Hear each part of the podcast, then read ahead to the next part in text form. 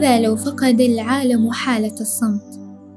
كما لو أن الصمت ينبعث الآن من الجدار ويتسلق إلى الأعلى نحو السماء وتشبه النوافذ في الجدار درجات السلم موجهة الصمت والأغنية أيضا إلى السماء فوق من هنا أصحبكم أنا آلاء البلوشية من جامعة التقنية والعلوم التطبيقية بشناص نحو قراءة في كتاب عالم الصمت بقلم هاجر الغفيلية للمؤلف ماكس بيكارد ترجمة قحطان جاسم.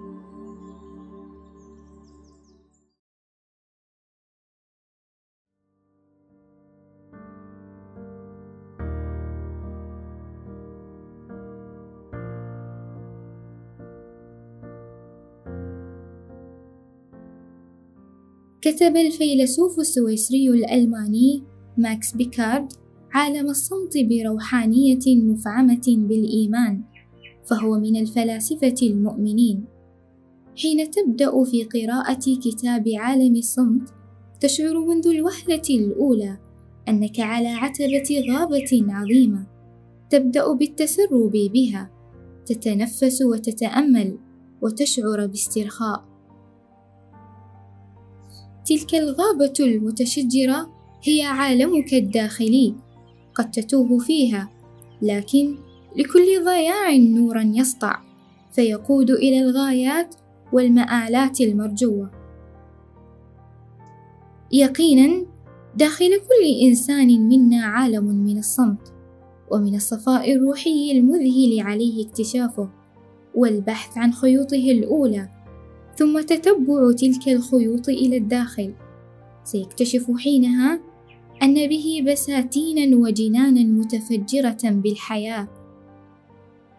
وحينها فقط سيعلم كم هو عظيم ذلك الكنز الذي يتملكه ويكمن فيه. سيعلم قيمة ذاته مهما جار الزمان ودار. تلك الجنان تحديدا هي ما تسمى بالثبات الداخلي. الذي يقوم بترسيخ أقدام المرء رغم كوارث العالم الخارجي.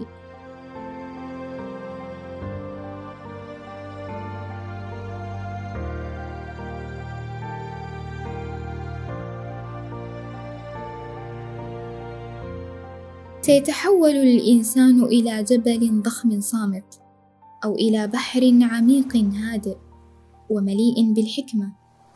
وكما قال مؤلف الكتاب وفي الصمت فإن خطوط الفم تشبه أجنحة مطبقة لفراشة. عندما تبدأ الكلمة بالحركة تتفتح الأجنحة وتطير الفراشة. عالم الصمت يعيد الدهجة الأولى إلى الأشياء إذ يذكر الإنسان باستعمال عيونه الطفولية مثل رؤية الأطفال للمرة الأولى لما يحيط بهم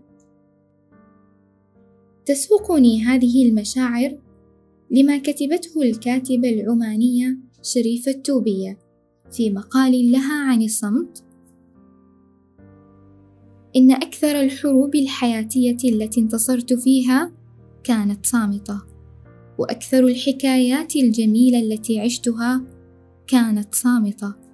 وأشد أنواع الألم الذي عشته كان صامتا وأصدق وأجمل شعور بالفرح كان صامتا وكل ما هو عميق بحياتي كان صامتا وفي أشد حالاتي صدقا استعنت بصمتي.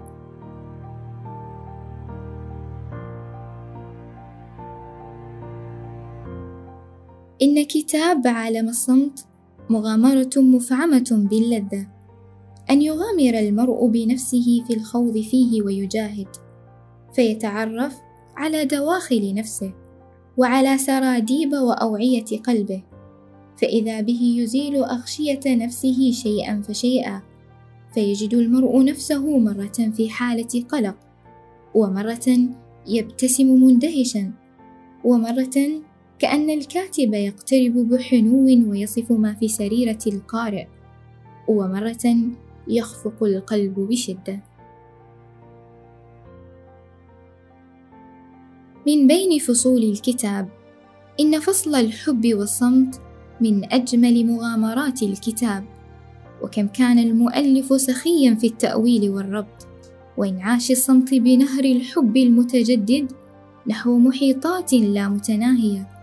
يقول بيكارت في ذلك يكون العشاق معزولين عن الناس الآخرين لأنهم يعيشون عالم الظواهر الأولية في عالم حيث يكون الساكن أكثر أهمية من الديناميكي والرمز أكثر أهمية من التوضيح والصمت أكثر أهمية من الكلام.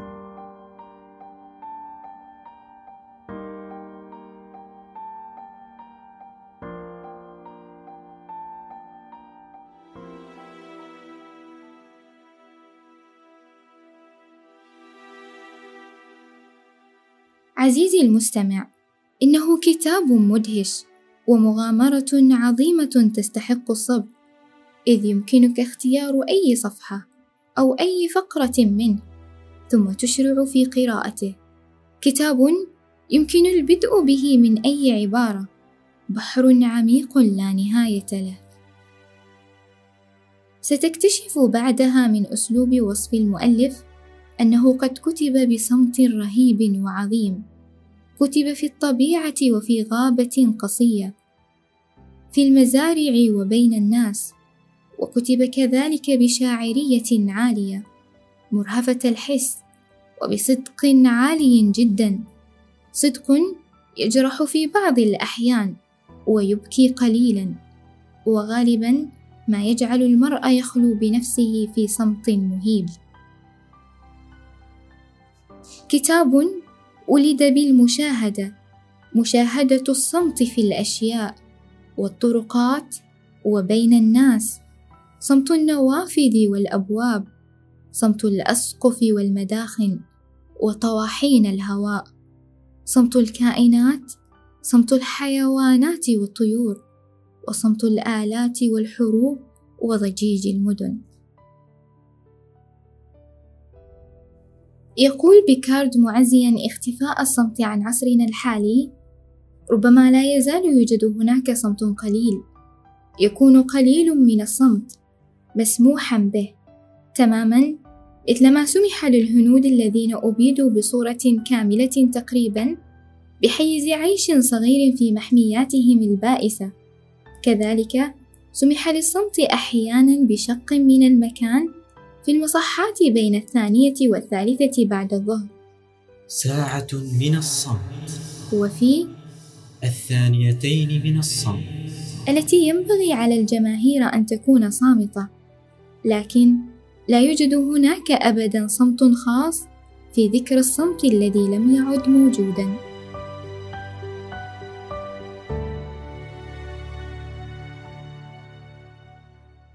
مستمعي بودكاست إشراقة. هذا الكتاب يقرأ على مهل. يقرأ ليلا في ظلام دامس تضيئه شمعة وفي وحدة تامة لتعرية النفس الداخلية للإنسان ولفهم أفضل للذات. وفي الصمت عز للكريم عن البلاء وفيه علو عن دنيء مخاتل. أسرة إشراقة تتمنى لكم وقتا ممتعا بصحبة كتاب عالم الصمت.